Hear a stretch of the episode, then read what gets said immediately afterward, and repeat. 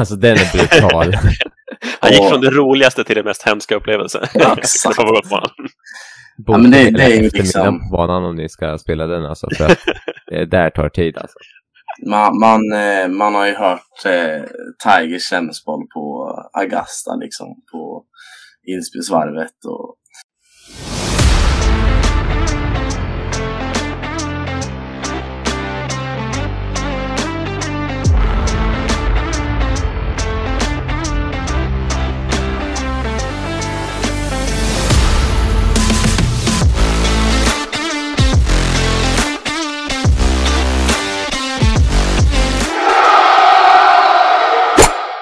God morgon och varmt välkomna till Golfens enda podcast.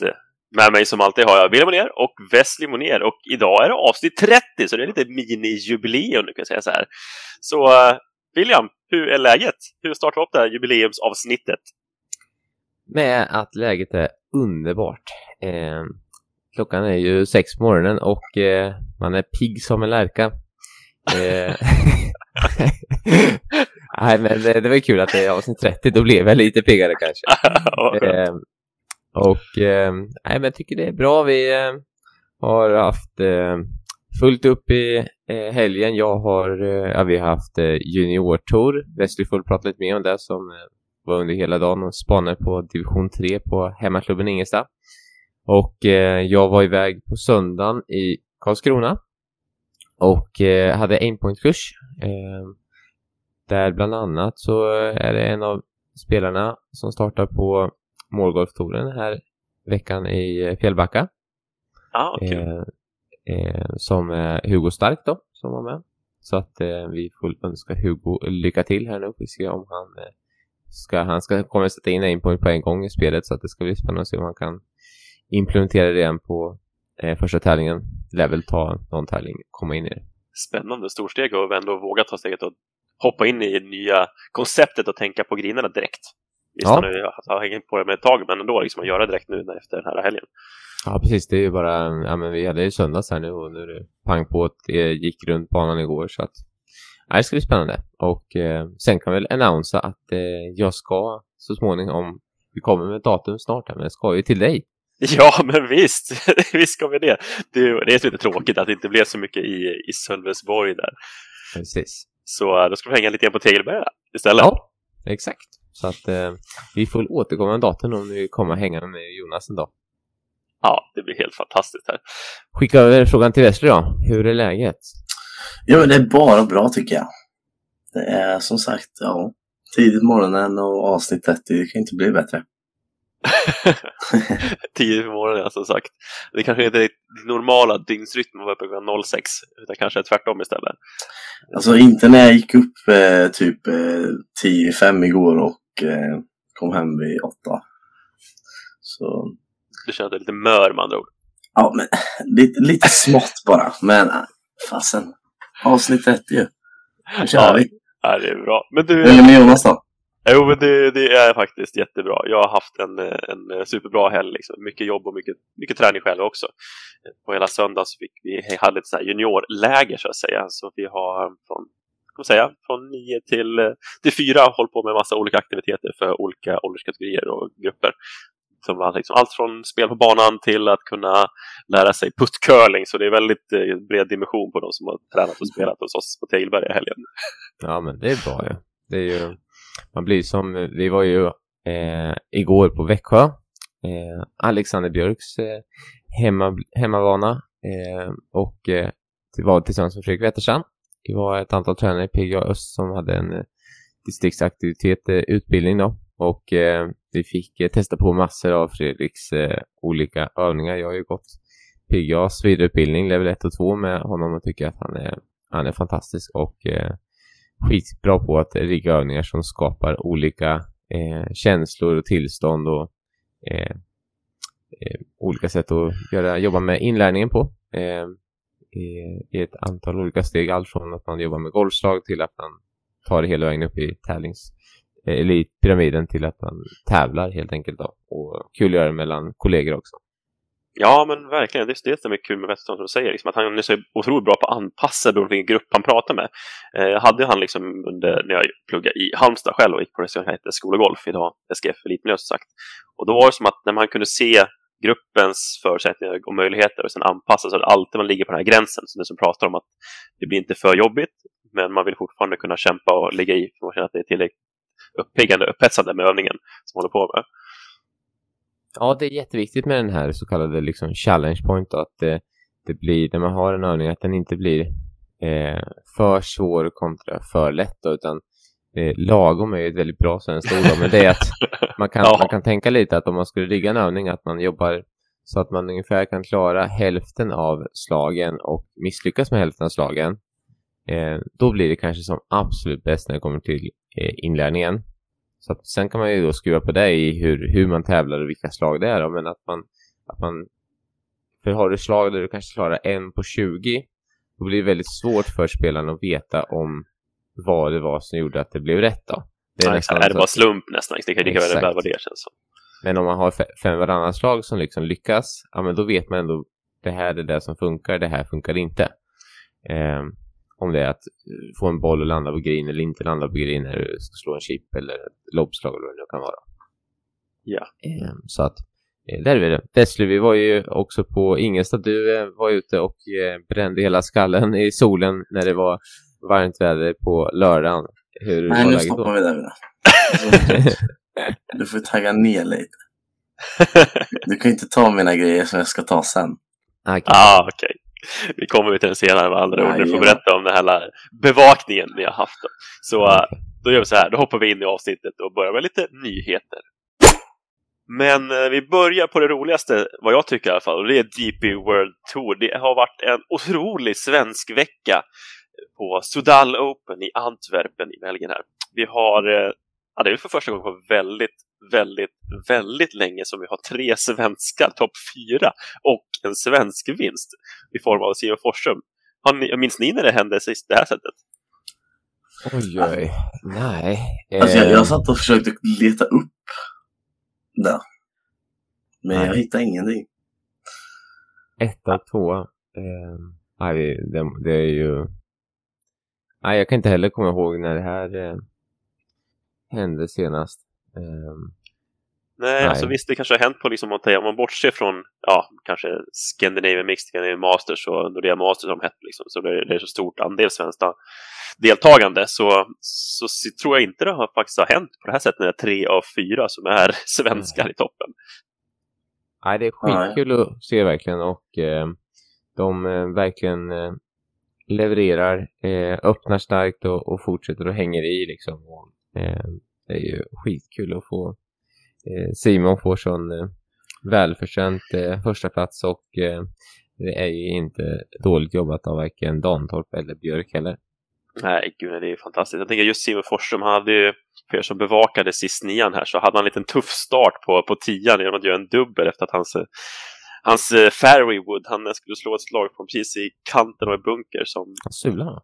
Ja, den kom inte för lågt och så tog den i vallen och så kom den i praktiken 10 meter fram ner i bunkern istället. Och därifrån gör liksom, jag gör en dubbelbogey, gör par, gör bogey och sen när han har sista sex hålen så gör han tre birdies för att ändå ta tillbaka den här första placeringen. Mm. Så att kunna vända på den ronden i det skedet och vara en första gångs vinnare på Deep World Tour. Det är eh, otroligt bra jobbat och det är liksom verkligen rutinen av att vinna på lägre nivåer kanske har hjälpt till någonstans. Ja, det är ju allt eh, man kan liksom, man ska signera mental tuffhet liksom att eh, sula en boll och sen fortfarande liksom kunna bara vända det. Det är ju, många skulle bli ett väldigt, eh, den vanliga klubbgolfaren, det ser man ju väldigt ofta att den bara går ut på banan där och eh, gör de ett dåligt slag bara, ah, hej, nu är det en sån dag ja. Eh, hade Simon gjort det hade inte han vunnit. Men eh, att veta att man kan faktiskt, man har slagit bra slag innan, tidigare i sitt liv, det är ingenting konstigt. Man kan fortfarande slå bra slag framtidsmässigt också. Mm. Exakt. Det, det, spelar egentligen ingen roll. Det är ett slag, visst det kan ställa till det, men om man bara fortsätter se varje hål som ett nytt hål och nya möjligheter att kunna göra bra saker så finns det potential att kunna vända på steken som nu verkligen Simon Forsström gjorde i det här skedet. Ja, jag tycker jag är lite imponerad. Jag såg faktiskt med sista nio hålen lite grann i, i efterhand här och det var, var kul att se honom föra sig på banan. Att, eh, han blev nästan chockad när det här slaget kom, ungefär som att han, det kom som en överraskning. Han kände väl själv att nej, men jag spelar bra. Och det är väl det hela svåra att kunna hantera någonstans. Att när man inte tror att det slaget i den formen ska komma och sen helt plötsligt kommer en sån motgång. och ändå precis. kunna komma in i det och hålla sig neutral och fortsätta kämpa vidare. Ja, nej men jag såg den videon när han gjorde repslag. Han stod ju bara liksom, vad var det som hände? det var ju så här, ingen aning om att det skulle hända. Ja, det var nog ett tag sedan han sula den nivån på spelare, sula en, en träklubba på en boll som ligger bra. Men det, jag, jag är lite tveksam. Jag, jag har kollat den så här många gånger. Jag är tveksam om han sular den eller om han träffar den bra och den går i det här tjocka, liksom mustiga gräset där. Så den bara dör. Ja, det kanske är svårt att avgöra. Liksom, kanske just att det är kanske en kombination att det är så, här, tjockt gräs och sen är det kanske en upphöjning i gräset som man inte ser. Då. Ja, exakt. För jag tror att varför han blir så chockad det är för att han tycker att han träffar en bra och den bara. Ja, okej. Okay. Så ja. får, vi får nästan helt enkelt fråga. Ja, exakt. Var, ja, en, var den sul eller var en bra träff? ja, det kan räcka med att det var någon, en millimeter låg kanske på, på facet och så kommer det inte ut som en tänker. Vi kan lägga det under sula så länge i alla fall. Men eh, jag vi hoppar vidare på tävlingarna. Fantastiskt jobb av Simon återigen. Men vi hoppar vidare till lite PGA Tour. Där har vi också lite mer fortsatt bra spel av svenska grabbar. Vi har Vincent Norman som kom, ja, ska man säga, sin andra topp 10 här på kort mm. tid. Genom en åttonde plats på AT Byron Nelson. Ja, jättestort för eh, Vincent att ta en sån här eh, ändå eh, större PGA-tävling och komma topp 8 och, och vara med och hugga på det liksom. Och han, man måste ju liksom honom också att han, han skjuter ju inte liksom dåligt heller. 66 på sista rundan tycker jag ändå visar att eh, han, eh, han 65-66, han gör sina två bästa runder de sista två dagarna. Det, det, visar också att han har plockat ett spel upp en eh, nivå tycker jag. Eh, och det är bara att de i toppen verkligen gasade i järnet. Ja, det är svårt när man har en Jason Day som vinner, men han måste ändå skjuta minus nio sista varvet för att han har en chans att vinna. När tvåan är ett, ett slag bakom. No. Exakt, ja det är ju helt galet vad, vad bra han spelar. Men det känns ju som att det är någon person som sagt att det här är på gång. Jason Day ska vinna. Jag känner mig lite delaktig i den här segern faktiskt. Ja, jag har men tjatat det... om honom hela våren. Ja, men det var bra att du hade med sig Masters-tippet, men vi har ju bevakat honom sen, jag kan säga, sen januari så har han kommit ut i en otrolig form. Ja. Där, eh, hans ballstriking är bättre än någonsin. Ja, verkligen. Det är ju det är, det är en spelare som verkligen vet hur man eh, vinner och hur man avslutar tävlingar och, och putt är fantastiskt bra när han väl kommer igång och äh, det finns ju eh, finns ju så mycket grejer som man eh, har som styrkor om man ser till att han har varit världsetta. Ja, men exakt. Men de flesta minns väl hans 2015-säsong eh, när han hade fem vinster på 12 starter och eh, han slog en klassisk, det blir en klassisk liten film eller klippscen där han slår Dubuisson ut i öknen efter eh, alla de här Nashville-slagen på Särsbergshålen. Ja. Mm. Ja, jag, jag, tänker också att eh, han är liksom just nu, eh, om man sitter strokes gainen så är han ju eh, just nu i närspelet och puttningen där som han är sämst på i eh, strokes gain. Och eh, jag menar, kom, vi vet att han kan vara etta på strokes gain puttning. Så att jag menar, för han är just, ja men ser man till just den här tävlingen då, men för TTG var han ju överlägsen på. Eh, och approach to green och bra från tee, så jag menar, skulle, skulle puttningen kunna vara ännu bättre, och jäklar, då, då blir det en Jason Day som kommer tillbaka från sin eh, gamla storform. Så med andra ord kanske du bettar en framtida major contender här också för ja. eh, dels PGA Championship men kommande säsongers eh, US Open, British Open. Ja. Nej, jag tror att eh, det finns, jag tror att han, en sån här spelare, när en sån här spelare spelar bra, så tror jag att den spelaren inte så här att vi kan se en spelare vinna precis innan en stor major och sen så är han inte ens i närheten. Men här är en spelare som definitivt kan vara i eh, närheten och hugga på redan nu på PGA Championship tror jag.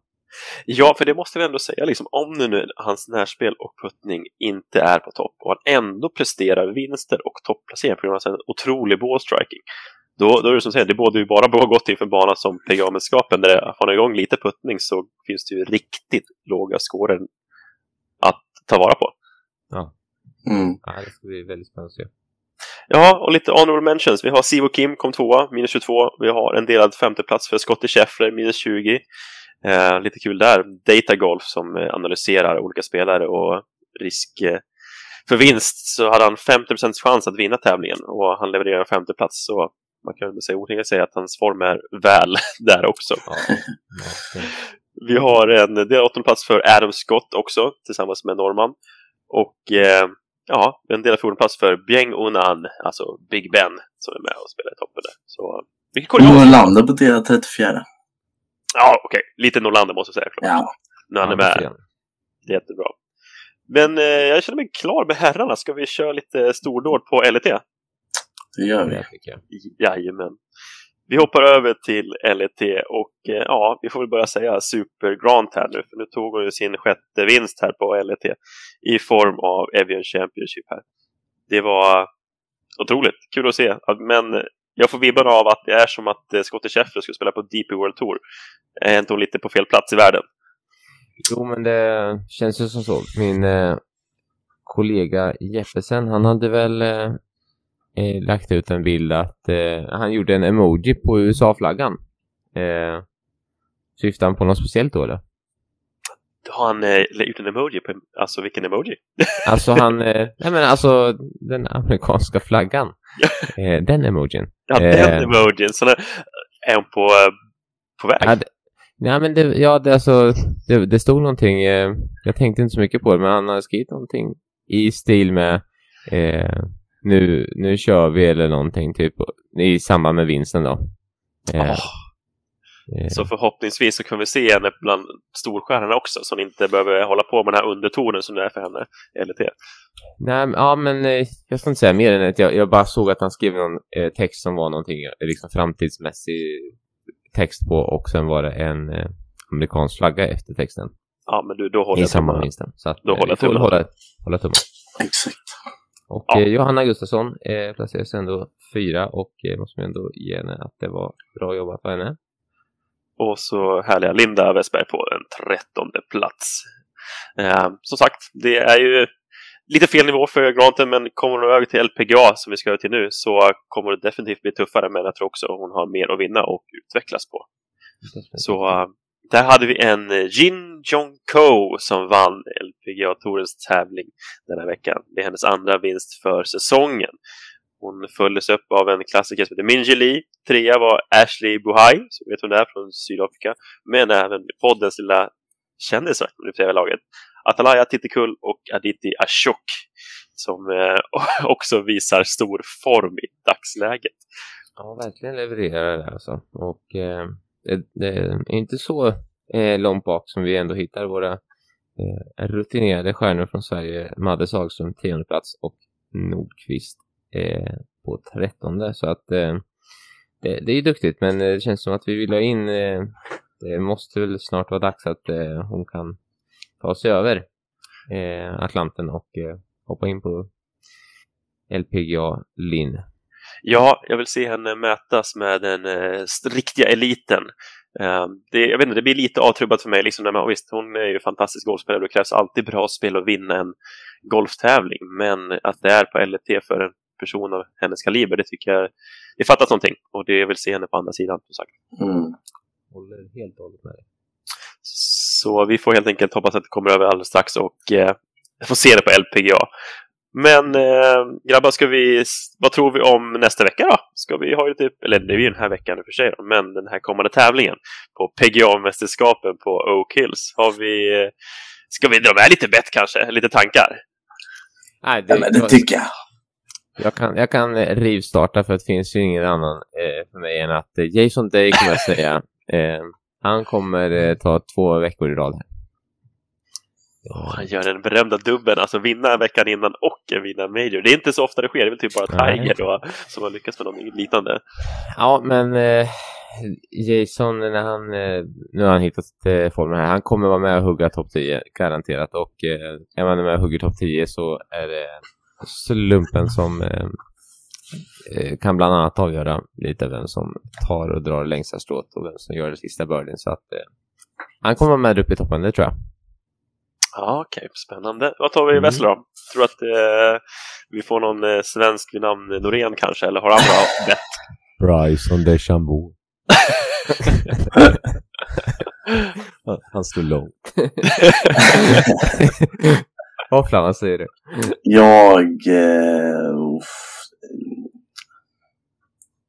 Nej, men vad fan, så jag ska bara slänga till med. Ehm.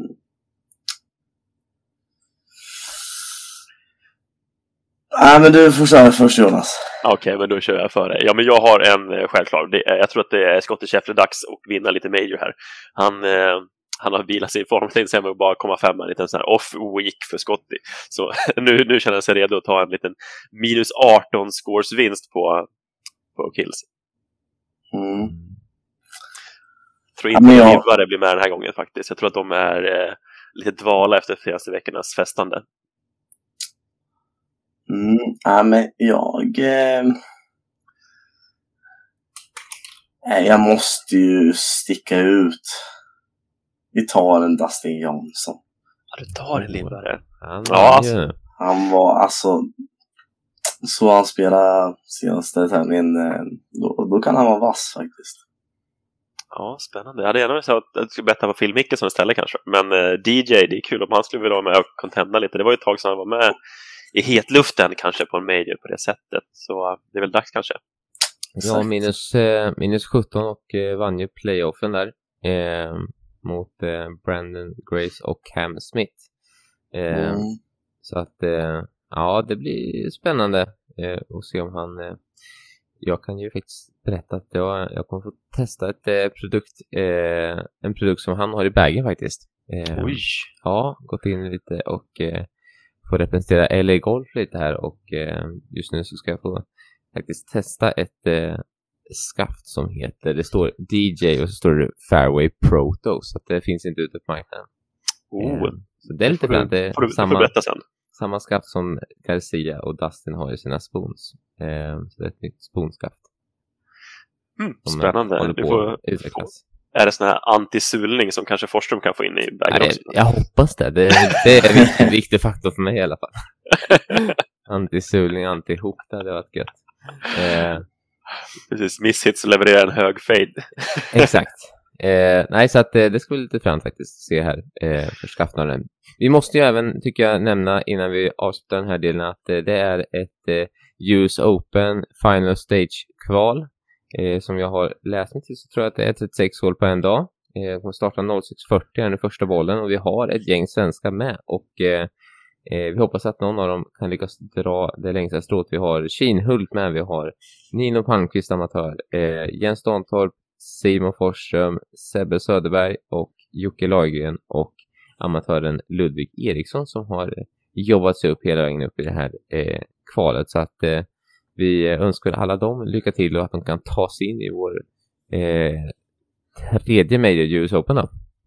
Det hade varit otroligt att se dem faktiskt. Och tanke på att vi ändå har några svenskar med så finns det ju bra potential den här gången. Exakt. Oh ja.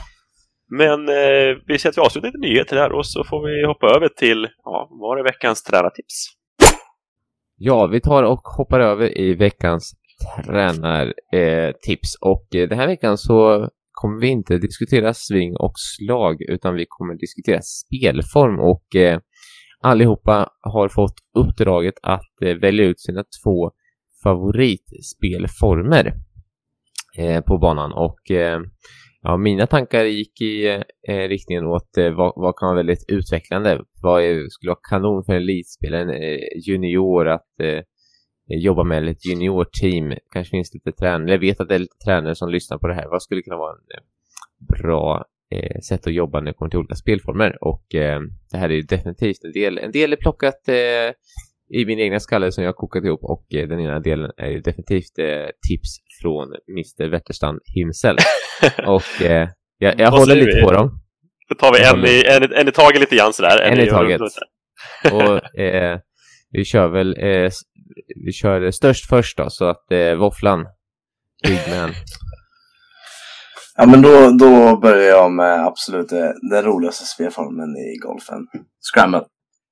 Ah. Utan tvekan. Såklart att du ska ha en scramble med i den här podden alltså. Ja, oh, ja. Jag har väntat att säga. Långslående bombare. Alltså. Ja. Men berätta för alla som inte har spelat en Scramble ute. Vad går Scramble ut på? Ja, men eh, man spelar 2-2, 3-3 eller 4-4. Eh, och alla slår ut. Eh, man väljer bästa läget. Alla slår därifrån. Väljer bästa läget. Alla slår därifrån. Och eh, ja, då blev det en birdie på en par fyra. Så man kan egentligen säga att det är ett sätt att skjuta väldigt, väldigt lågt om man har en bra dag. Eller skjuta mycket bättre, bara att man slipper alla dåliga slag. Precis.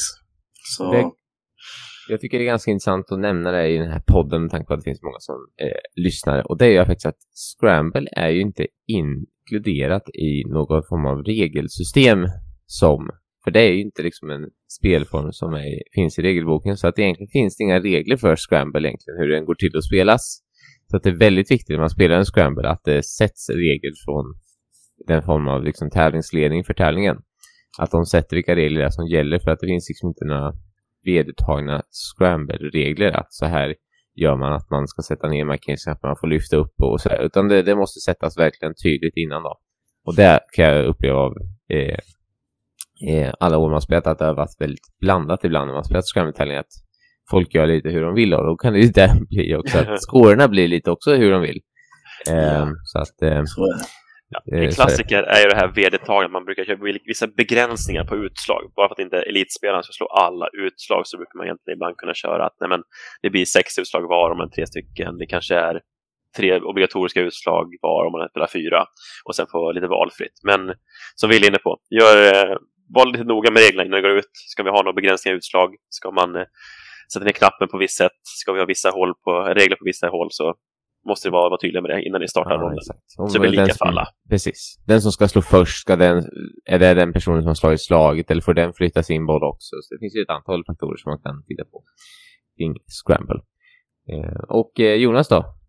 Ja, men jag tänkte lite annorlunda mot dig. Jag tänker så här, men hur kan man ha som mest roligt med kompisarna på banan för att kunna hitta tillbaka till lite spelglädje och slippa kanske en slagspel, eh, tävlingsgolf liksom. Så då tänkte jag att vi börjar med en Köpenhamnare, en gammal klassiker.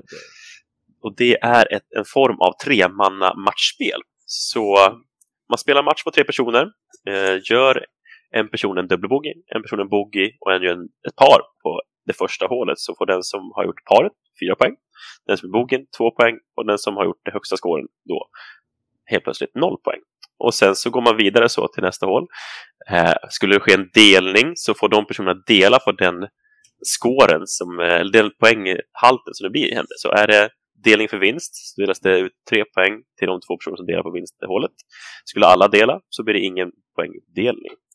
Så sen när man, kan man summera egentligen poängen när man är klar och så ser man vem som vunnit. Så det kan vara allt för om man vill betta lite grann eller bara mäta sig hur mycket man kan vinna mot sina kompisar. Så det är ett ganska roligt sätt att få med en matchspel för tre spelare. Ja, den är, jag tycker att den är jäkligt eh, kul också. Och den går ju att spela eh, fyra också om man vill det. Eh, Ja. Det går ju att spela om 12 poäng. Eller, alltså det går ju, poängfördelning kan ju också eh, vara lite annorlunda också då. Eh, Ja. Klart lättare om den är eh, jämnt eh, tal då. Eh, som man jobbar med då. Som, som du hade eh, sex eh, poäng i det här eh, läget. Ja. Men, men det kan ju vara som sagt en fyrboll också eh, som spelar. Ja, Ville, nu får du ha håll på den här länge nog. Nu vill jag höra dina, din första. Ja, men jag börjar med eh, eh, Wetterstrands favoriten och eh, då är det ju Foursome som Wetterstrand väldigt, väldigt ofta förespråkar. eh, när det kommer till man säga, att skapa och träna mer på att tävla. Att eh, spela någon form av tävling i det kan vara, det behöver inte ens vara liksom fullbana, det kan vara en kortosbana eller det kan vara en liten eh, chipbana eller någonting. Men att spela Forsam det leder till att man eh, dels får en tid till reflektion, man får stå eh, titta på den andra och du får en person som tittar på dig. Har en, en person gjort någonting bra så måste du också fortsätta göra någonting bra för att ni ska få ihop skåren och det sätter en Eh, det skapar så mycket eh, känslor och situationer och tillstånd för eh, spelare. Så att köra juniorträning, köra en chipbana man byggt upp och sen så skiter man i att köra singelspel på den utan köra Forsen, spela juniorgänget. Kan bli ett kanonövning om man ser till eh, att jobba med eh, då kan säga eh, de mentala bitarna samtidigt som det är golfträning då. Spännande, men jag kan ju liksom bara tänka från egen eh, synvinkel här lite grann. Att, jag vet inte hur många seriespel de spelat om man tänker just Forza, men det, liksom, det kan vara den mest hemska upplevelsen men också den roligaste, för det blir verkligen att man tillsammans kan ha gjort en score, eller man gör en score tillsammans när man lyckas. Så dels så händer det bra saker och det krävs så mycket för att göra en birdie till exempel. Att det måste ske tre otroligt bra slag i rad för att göra birdie. Visst, det kan man komma undan med själv om man spelar singel förstås, men att nu får kanske bara vara delaktig på putten. Eller nu kanske man får bara få delaktig på driven. Eller så får Ja. man slå två slag helt plötsligt. Eller att man kommer in i lite fel liksom. Det kan ju vara Ja. någon som eh, inte matchar speeden med grejerna och så får den väldigt mycket birdie-puttar till början och så här. Alltså det är ju... Eh, det är, ja, jag tycker det är väldigt, det är väldigt, väldigt bra spelform att eh, liksom leka runt med. Kul! Våfflan, nummer två. Ja, men det, det blir ju en eh, koppel på min första. Men en liten tweak på den så det blir sämstbollen istället. Alltså den är brutal. Han gick från det roligaste till det mest hemska upplevelsen. Ja, exakt. Ja, men det- det är ju liksom- på banan om ni ska spela den alltså. För att det där tar tid alltså. Man, man, eh, man har ju hört eh, Tigers sämstboll på Augusta liksom. På inspelsvarvet. Och, så den, är- nej, jag tycker den är grymt rolig och eh, grymt utmanande att göra. Ja, så hur spelar man en sämstboll då? Ja, men det, det är exakt som Scramble fast man tar det sämsta läget hela tiden. så den, eh, ja, den, eh, den blir många glada miner på när man spelar. Så du kanske är en här rekommendation att men, har du för högt i handikapp så ska man inte ge sig på den här varianten kanske? Nej, man kan absolut ge sig på den eh, i en mindre skala i så fall kanske. Eh, att Bara man kanske... typ. Vad sa du? Bara utslaget kanske. Ja, bara utslaget eller som ville säga en chiptävling att man eh, måste välja den sämsta chippen. Och sen därifrån göra nästa slag. Och, så den, den går att tweaka också. Eh, gör den. Så ja, jag tycker den är grymt rolig och den går att köra för alla. Ja, det kan jag tänka mig. För liksom jag, just det, jag har ju spelat sämstboll några gånger också, liksom, men det är mest kanske man... Jag har någon del i spelet, jag sp- spelar ensam niohålare kanske. Vet om att nej, jag måste gnugga lite extra på mina härliga utslag, så då får jag spela en sämstboll från teamet, spela på singelspel därefter från det sämsta läget. Mest för Mm. att ge mig själv lite extra utmaning och alltid tvingas slå två bollar med extra högt fokus. Och, så som ni är inne på, liksom att välja ut en spelare och köra en sämstbollsvariant själv där, det går ju också att göra. Så jag tror att det är Ja. kanske ett bra sätt för att ja, men fokusera på en viss del av spelet. Till exempel puttar inom 2,5 meter kanske är fantastiskt bra. Liksom, att du helt plötsligt inte bara måste slå en putt, utan du måste helt plötsligt slå två puttar för att sänka den där härliga parputten. Exakt. Jag, jag Ja. tror, nu ska jag inte säga att jag är säker på skolan, men jag har för mig att Tig gick väl Augusta sämst boll på 68 va? Ja, det är något sånt där. Jag vet att Rory brukar säga att skjuter han under par när han är ute och tränar med känner sig sämst boll, alltså hela vägen när han spelar, så Mm. då, då brukar han känna att nej, men då är jag i stor form. Exakt. Det förstår man väl. Jag slår, jag slår två slag och skjuter samma score. så är det Ja, ju bra. exakt. Men, men jag eh, eh, tänker att det kan också faktiskt från, för en eh, klubbgolfare och så här, kanske jag gör det från, från tid till exempel, bara utslaget. Ja. För att de ska Ja. lära sig vilken klubbjäkel de ska ha i handen på de olika hålen på banan. Alltså Mm. är det för tight så kanske man inte kan ta sin driver om man ska slå två slag som båda liksom hamnar i banan. Då kanske man börjar få in en liten spelstrategi-tänk och så här. Så det kan finnas massa positiva grejer faktiskt med, med, med Sensboll i, i form av liksom förstå spelstrategi och se till att man optimerar liksom Ja, resultatet. Än att Ja, man bara står och hoppas på den här kanondrivern som träffar fairway. En av tio då. Då kanske inte det är slaget man ska välja om man ska sätta två av två då. Nej, men det blir ju perfekt väldigt, väldigt riskbedömning. Liksom, hur tar jag bort de stora scorerna? Alltså, det är väl det Mm. sättet man egentligen ska tävla på. Men det är ju det är ju svårt att tänka så kanske rationellt när man är under tävlingen själv. Att, Ja. nej, men jag ska slå en spon här för det är smalt. Men eh, Mm. när jag står och tränar så är det klart att stå drive. Exakt. Men eh, ta min då istället då. Min eh, Mm. nästa. Det är eh, en liten enkel variant som heter bäst boll, sämst boll. Eh, också en form av parspel för fyra personer. Eh, delar de bästa scoren, bäst bollen, så får man egentligen räkna med sämst bollen i gruppen också, alltså den som har högst score. Så delar man på två par och de andra två gör en bogeydubbel så vinner det paret som har gjort eh, minst dåligt, det vill säga bogey. Så får man en, en F därigenom istället.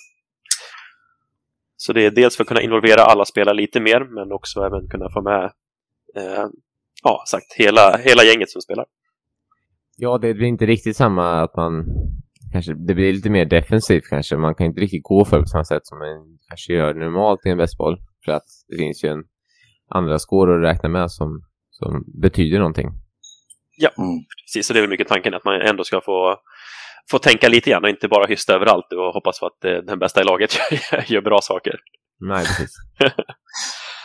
Villa då, din sista och sista för egentligen spelformssöket här. Ja, men jag eh, skulle vilja säga att det är min eh, egenkomponerade eh, Use Open eh, spelform som jag kallar det för Use Open.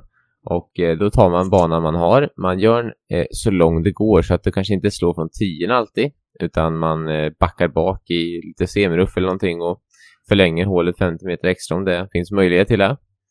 Eh, och sen så är det så här att man måste pricka fairway. Om du inte prickar fairway så får du inte slå bollen i riktning mot hål utan du måste slå den eh, liksom ring, eh, vågrätt rakt ut i fairway bara. Alltså spela helt i sidled bara tillbaka ut på fairway. Eh, alternativet är att man låtsas att det är, rött pliktområde om man, om man droppar bollen i kanten av fairway då, som att den skulle ha gått i vattnet på, på sidan. Eh, på alla Eh, det kan man välja om det ska bara vara på utslaget, men vi har kört den eh, på alla slag då. Eh, så att eh, den är ju en, eh, tycker jag, otroligt eh, bra grej. Och man kan ju sätta massa olika regler. Det här är ju eh, grejer jag har liksom komponerat själv från Wetterstrand. Man kan ju sätta att man kan ha ett kort hål, då får det inte vara vänster om flaggan, det är out. Eh, för att man ska tänka spelstrategi på vissa sidor av hålet och sådär. Eh, eller att man måste ha lång eh, kontra man får inte vara kort. Det finns sjukt mycket roligt man kan hitta på när det kommer till eh, en sån form av begränsningar på, på det vanliga spelet. Nej, men jag mm. tycker också, att säger, de här alternativa reglerna, det kan ju verkligen göra att vi är lite roliga hela tiden. Liksom att, nej men, nu missar jag fairway, okej, men då får vi se det som en pliktslag. Om vi ska träna på att träffa fairways den här dagen. Eh, vissa dagar kanske man, nej men nu ska vi slå bollen förbi pinnen, nu måste vi träna på att inte vara kort längre andra kanske man får göra så. Man får få en plikt om man lägger en kort om pinnen på ett inspel eller kort om pinnen på en chip eller liknande. Och jag tror att liksom det vi gör här med små tweakarna kanske, som du säger, i din use open form gör att det blir lite roligare och lite ny dimension på hur man kanske kan träna golf också på banan. Men med hög fokus. Exakt. Nej, så jag tycker att det finns eh, mycket bra förslag från gänget. Jag hoppas att eh, våra lyssnare nästa gång inte eh, spelar vanlig golf utan ni tar en ny spelform, taggar Golfens podcast och eh, njuter av er golfrunda. Det låter jättebra. Och eh, med de orden så hoppar vi in till eh, i verktygslådan med Wesley Monier. Ja, men som det är då, då var det ju dags för verktygslådan igen. Och eh, faktiskt den här gången hoppar vi ur verktygsboxen. Eh, och går in i eh, golfboxen. Nej men eh, Den här veckan så eh, vill jag faktiskt eh, lyfta en, en, annan grej än eh, vad vi har gjort de veckorna innan. Och eh, det var ju som Ville sa förut att eh, i helgen så hade vi division 3 på Svenska juniortouren på Ingelstad. Och eh, där vi hade sex stycken startade från just Ingelstad. Eh, och eh, där var faktiskt en av våra egna junisar som gick, gick upp och eh, tog hem segern. Och det är faktiskt första segern i eh, Ingestads historia där en egen hemmaspelare vinner. Så... Ja men... Eh, Fantastisk shoutout! Ja men verkligen. Grymt kul att liksom se junisarna vänta kvar, peppa varandra, eh, följer varandra, frågar hur varandra går. Eh, man ser dem på banan, springer över fairways och frågar hur, hur det går för de andra. Och, ja, det, det är en sån eh, dynamik i sådana grejer som eh, gör att det blir kul att kolla på dem och se hur de verkligen eh, krigar för att eh, ja, just få varandra att spela bättre. Och skiter egentligen inte hur det går för en själv utan man vill att de andra som man spelar med ska gå lika bra. det är helt fantastiskt att höra. Det känns som att du har skapat någonting otroligt i ert träningsgäng där. För det är ju, om vi ändå är inne på Wetterstrands andan så är det väl en av de viktigaste punkterna. Att, liksom att man kan se att man ser människor runt omkring sig lyckas också. Att man väljer fokusen på att det är bra för en själv också. Och mm. förstår att nej, men, andra tar steget nästan och förstår själva att nej, men, den här killen har jag kanske slagit på träning, men om han kan så kan ju jag också. Eller den här tjejen exakt. vet exakt, slår det här slaget och slag under tävlingen, men det kan jag också göra, för vi gör det tillsammans. Det är ju ja. otroligt kul att ni har fått in den andan i gruppen där borta. Ja, men det är grymt kul. Ja, men jag tycker det är jättekul att, att se och eh, att, eh, som, som jag skrev i något eh, Instagram-inlägg här, att jag tycker att det är eh, jättekul eh, för Ludde som har tränat flitigt att det gav honom resultat i den här tävlingen och vi kan nu även lyfta upp väldigt många av de andra spelarna som har högre handikapp som kanske inte på förhand ska gå och vinna en sån tävling för att de är precis i, att de börjat få spela på juniortouren något år in egentligen i tävlandet då och gick från att de sköt eh, höga 100 skåror förra året på 115 till, eh, till att de sköt 90 år liksom är ju en eh, enorm skillnad. Så att mm. eh, det är ju att se den utvecklingen, men det är, har de tränat dedikerat då, då ger det resultat förr eller senare. Man vet inte om det ger resultat på nästa tävling, men eh, framtidsmässigt så är det bra att ha tränat mycket över tid och eh, jag verkligen eh, öser beröm på mina junisar när de eh, allt från att åka ut eh, sex på morgonen och ställa sig och slå bollar innan skolan och så cyklar man till skolan klockan åtta. Alltså, eh, det, det är skitkul att se att de eh, eh berömmer varandra när de tränar mycket och sådär. Så att det är skitkul och banan, jag menar, det var helt fantastiskt. 12 på Stimpen på en division 3, det har jag aldrig haft. Ja, men det är också, tycker jag, det är helt fantastiskt att ni vågar ha det, för jag tycker det är så restriktivt hos många klubbar, bara för att det är kanske en sån här division 3 juniortour, liksom, att man då, nej men nu kör vi normal medlemsbit, nej nu trissar ni upp det, ni ger en utmaning, och ni mm. låter dem tävla tidigt på otroligt bra underlag, och mm. svårt underlag, och jag tror att det kommer vara sjukt fostrande för de här Ingelstad-gängen. Ja, mm. men eh, Warren är ju väldigt, väldigt... Eh, han, han, vill att den ska vara så... I hans värld så är, tänker inte han division 3 och eh, att eh, den junior tror att vi ska ha Nej. någon liksom, långsam grej, utan han vill att den ska vara så... Prestera banan så bra och så fint, så bra rull och så snabbt det går. Alltså att jobba med rullen är otroligt viktigt för honom. Han tycker att det var 9 av 10 på trueness i rullen, att inte den studsade hoppade för mycket. Men det är det jag, jag pratade med en annan klubb Ehm, som vi har varit på. Och eh, där, där de sa själva att ja, men vi, vi kan inte ha över nio stimper för då, då blir det för svårt för liksom, våra klubbgolfare. Och då sa jag, men om man tänker tvärtom, att egentligen klubbgolfen är ju dåligare på att slå en hård putt än en lös putt. För att på en hårdare putt händer det fler grejer i deras stroke. Så gör att de varierar mer i bollträff, i längd och har de en snabbare gain, då är det lättare för dem att slå en lugnare putt, träffa mer mitt i bladet och kontrollera längden mer. Eh, så han sa ju det själv, jag ska åka hem och prata med bankkeepern och trissa upp grejerna. Eh, så jag, jag, tror det, det, är liksom rätt, rätt att ha snabba grejer för det blir lättare att kontrollera att träffen blir bra. Sen så måste du bara kunna kontrollera hur snabbt det är på grejen. Ja, men jag tror att det kommer gynna dem sagt, långsiktigt att kunna träna på det här. Alltså man ska säga att man mm. får träna på kontroll verkligen. Det är inte bara stötputtning där det, bollen ändå stannar inom, inom sex och hur man än gör lite grann. Utan nu måste du faktiskt jobba med, med stroke control. Bollträff blir otroligt mycket mer viktigt när du har liksom bra griner. Liksom att, mm. ja, men för att kunna få läggkontroll, för att kunna känna hur långt puttarna går, så måste du kunna träffa bollen bra också med putten. Exakt. Nej, men jag tycker att det är jätte, jättebra och eh, det, jag tror att det är mycket lättare för dem att eh, gå från eh, snabbt till långsamt. Jag har ju eh, vetat hur det varit de senaste åren vi har, eh, när vi var på en annan klubb, att eh, gå från liksom när det, när det är skit på anläggningen och alltså fartmässigt liksom jämfört mot det man får tävla på. när, det inte, när det inte rullar lika bra och man kommer ut och det är skitsnabbt. Det, det är ganska mycket jobbigare tycker jag i alla fall att gå från långsamt till snabbt för då känns allting svinhalt. Kontra om man har ganska bra fart, som jag också hade några eh, år att det var eh, snabbare griner. Då kändes det inte som att det blev någon stor skillnad att gå till en tävling. Eh, eller åka till en bana som är fin preppad, en, en känd bana. Man åker till det också. Jag menar, åka till Brohof, det är inte dålig fart på Brohof om man åker dit imorgon. Alltså så att det finns ju massor av faktorer där. Eh, så att bra griner, bra rull är ju en jätteviktig faktor. Det vet man ju på alla enkäter att folk vill ju ha det. Ja, ja, men absolut. Jag tänker liksom dels från elitspelare och dels från högre handikapp. Det, det vill se. Det ser bra ut, det känns bra och det är lite roligare när det händer någonting på grinerna.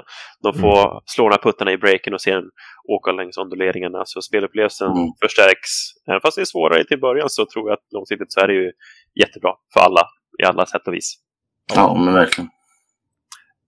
Kul! Häftigt! Bra jobbat! Vi hoppar in i veckans sista del och det är inte vart du är på väg utan vem söker vi?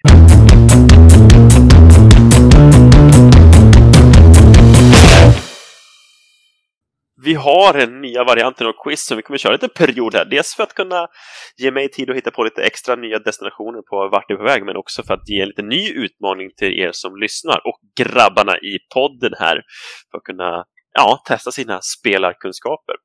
Det är eh, 42-34 till lillebror om inte jag har räknat eh, helt 42, Ja, herregud. Så eh, det som såg så fint ut och vackert ut har ställts lite stiltje för Ville här. Ja.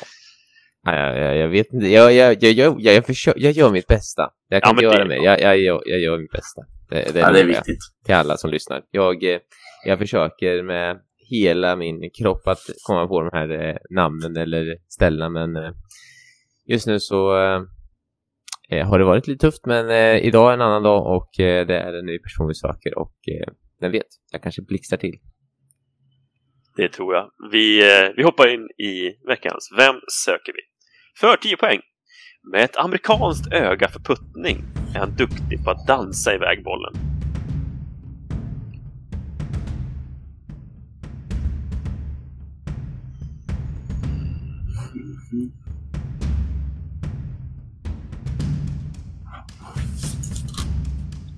Prata spelare topp 100 va? Exakt, det stämmer. Så det kommer inte vara en dansande kines som efter varje utslag dansar på ett ben utan det är... Vad fan, jag satt och tänkte på han direkt. han är utanför topp 100 så han ger sig inte. Vi läser igen, 10 poäng. Med ett amerikanskt öga för puttning är han duktig på att dansa iväg bollen.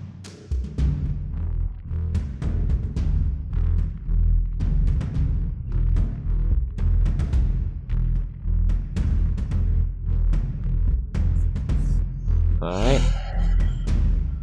Nej, hoppar vidare till 8 poäng. Han vann sin första Major i sitt första Major-framträdande 2011.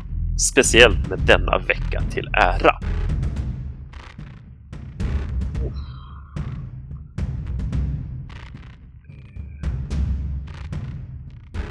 Tjugohundraelva.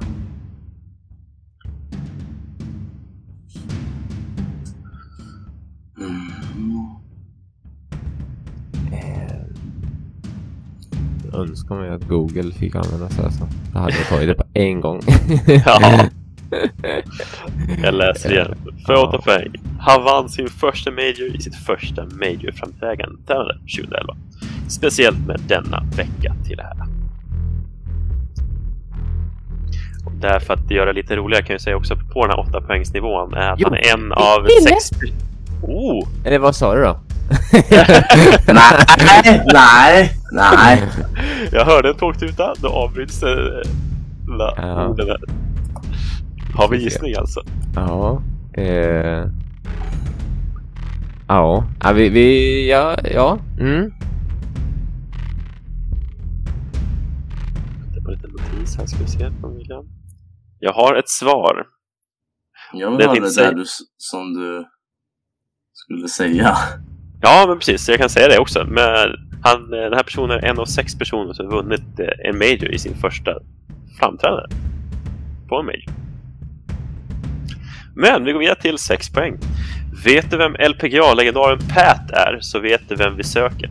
Resten av familjen spelar givetvis mycket golf och är en del av Hall of Fame.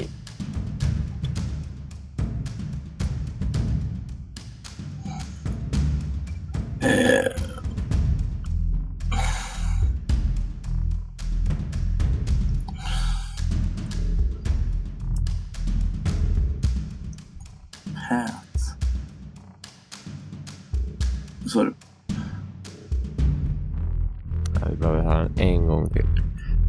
Vi för sex poäng. Vet du vem LPGA-legendaren Pat är så vet du vem vi söker.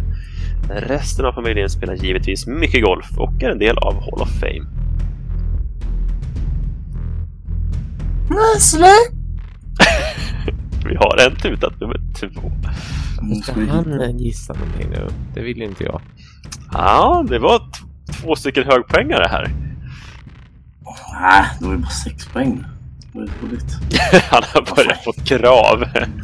Vart är Jonas då? Eh, Jag hittar inte dig. Mm, han får med så här då. Jonas. Väntar på en liten notis från Mr. Wesley. Vi sket i hur man stavar grejer va? Ja, men är det för dåligt så... Men det är absolut, jag har överseende med stavning. Det där är ju inte rätt stat någonstans. Men skitsamma. Känner jag. Ja, men det där, vi har två stycken registrerade. Fattar du vad jag menar liksom? Eller? Ja, jag kan, jag kan tyda det du vill få fram i alla fall. Ja, tack. tack. Eh, och jag kan redan säga nu att jag tycker du har stavat rätt på det namn du vill få fram också. Så det är okej. Är det så? Så, vi går vidare till vår fyra poängare. Bokstavligen en av de längsta på touren, men är eh, mest känd för sin unika pre-shot rutin. För fyra poäng. Bokstavligen en av de längsta på touren, men han är mest känd för sin unika pre-shot rutin. Och för att avsluta så har vi för två poäng. Han levde i en husbil kallad Tin Cup den andra under sin uppväxt i sin jakt på världseliten. Men det vi alla känner är det värsta. Det är hans klädstil, men också hans puttning under Ryder Cup. För två poäng. Han ledde i en husbil kallad Tin Cup den andra i sin jakt på världseliten. Men eh, det vi alla känner är det värsta. Är hans klädstil och hans puttning under Ryder Cup. Så för att summera dagens eh, härliga Vem söker vi? Så har vi eh, faktiskt två korrekta svar från bröderna. Vi har Keegan Bradley på, som vi söker. Och det är åtta poäng till William och så har vi Yes. sex poäng till Wesley. Så Ja, vi har en liten reducering i alla fall. Det tycker I'm jag. back. Har du tillbaka på en högpoängare, Wille? Ja, det känns underbart bra. Alltså, vilken start av dagen. Alltså. Krossa Wesley i Vem söker vi? Ja, det är helt Ja. otroligt. Otroligt bra jobbat. Jag tänker bara ge fram lite grann för de som inte har koll på leg- LPGA-legendaren Pat Bradley så har hon eh, 36 professionella vinster på LPGA-touren och är en del av Hall of Fame sedan 1991. Så eh, en ganska bra golf i släkten där bland annat hans pappa är ja, PGA-pro och någon eh, brorsa och liknande också spelar golf. Så eh, man kan säga golf eh, ligger i blodet. Kan man lugnt säga. Men eh, då får vi tacka för idag då killar. Eh, Ja, tack Men innan- Tackar själv.